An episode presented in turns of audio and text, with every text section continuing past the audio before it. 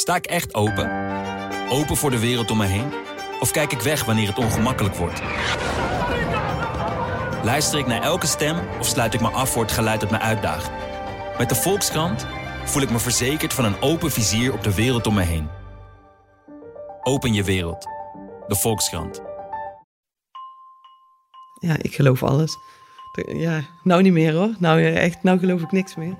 Ik wil voor de duidelijkheid gelijk gezegd hebben dat ik de heer van Dillenburg niet heb vermoord. Het is echt de kleine man tegen de grote boze overheid, zo voelt het voor mij. Hè?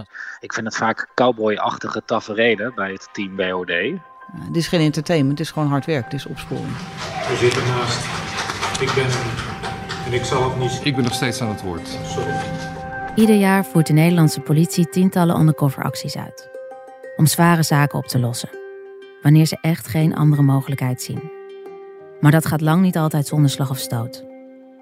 Over die undercover-acties hoor je in Grijs Gebied. Een podcast van de Volkskrant. Ik ben Elspet Stoker, justitieverslaggever. Grijs Gebied is te vinden in alle podcast-apps en op volkskrant.nl slash grijsgebied.